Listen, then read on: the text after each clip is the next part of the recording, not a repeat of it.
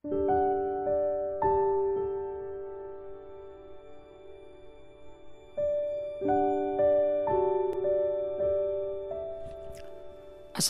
warahmatullahi wabarakatuh. Welcome back to my channel dari Dracula X Vampire. Uh, mohon maaf, udah lama banget ya aku nggak bikin podcast, nggak bikin cerita uh, cerita-cerita yang ya mungkin inspiratif gitu. Soalnya akhir-akhir ini aku sibuk banget guys.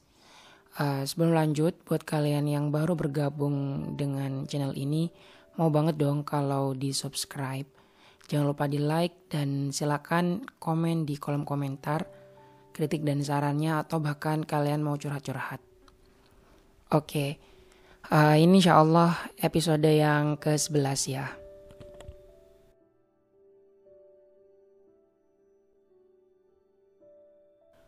Hari ini adalah hari terakhir liburan mudik lebaran. Tak terasa sebulan sudah aku berada di rumah. Dan sore ini aku mau balik lagi ke pesantren. Sungguh rasanya sangat berat. Beberapa hari yang lalu sebenarnya aku sudah bilang sama ibu kalau aku mau sekolah di kotaku saja. Aku nggak mau belajar di pondok lagi. Tapi apa kata ibu? Gak usah banyak gaya katanya. Ya, sudah kuduga pasti ibuku nggak akan setuju dan nggak akan pernah setuju dengan keputusan keputusanku itu. Apalagi belajar di pondok ini adalah kehendakku sendiri dulu dan orang tuaku sudah mengeluarkan biaya banyak untuk pendidikanku. Apalagi sekolahku di pesantren ini tergolong bertaraf internasional dengan kurikulum Cambridge. Tahu sendiri kan kira-kira biayanya berapa.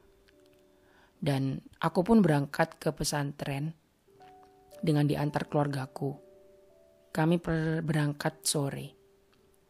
Perjalanan dari rumahku menuju pesantren sekitar 5 jam. Malam ini kami menginap di sebuah homestay dan besok sore jam 4 heregistrasi terakhir pesantren. Hmm, pagi ini keesokan harinya, para santri wajib berkumpul di auditorium. Hari ini adalah halal bihalal. Masuk sekolah masih besok. Setelah sungkem kepada para pengurus, ustadz, para pengasuh, kini giliran saling bermaafan dengan para santri yang lain. Dari kompleks ke kompleks, dari kamar ke kamar. Dan tahu nggak, tadi aku bersama bersalaman sama yoga tapi dia tetap saja dingin. Padahal aku tadi membayangkan kalau dia bakal sehangat dan serenyah dulu. Tapi kenyataannya apa? Ya Tuhan, apa sih sebenarnya salahku? Dan ini semakin membuat aku merasa tidak betah berada di pesantren ini. Ibu, aku pengen banget pulang. Oke, aku cengeng. Dan sangat cengeng. Tapi memang inilah yang aku rasakan.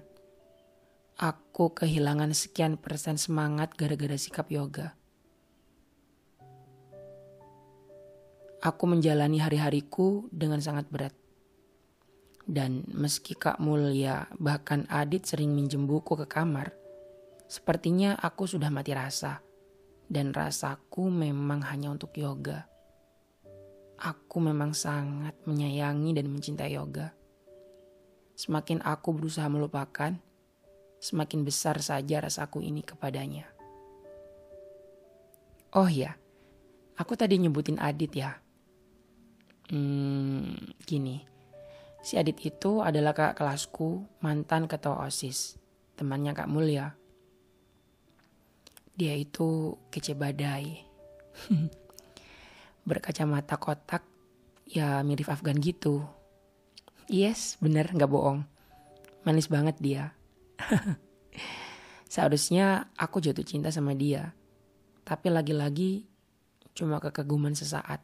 Aku emang gak bisa move on dari yoga. Sementara si yoga sepertinya dia biasa-biasa aja. Kalau ketemu sama aku. Bahkan sangat bahagia tanpa aku sepertinya. Dan kenyataan itu yang membuat aku semakin terpuruk. Oke, terima kasih buat kalian yang udah dengerin podcast ini. Mudah-mudahan bermanfaat. Uh, buat kalian yang baru dengerin ini atau baru nemuin ini uh, berseliweran di beranda kalian, gak ada salahnya dong kalian dengerin episode dari awal biar kalian ceritanya nggak sepotong-sepotong gitu. Oke, terima kasih. Jangan lupa di like, share, komen, dan subscribe ya. Wassalamualaikum warahmatullahi wabarakatuh.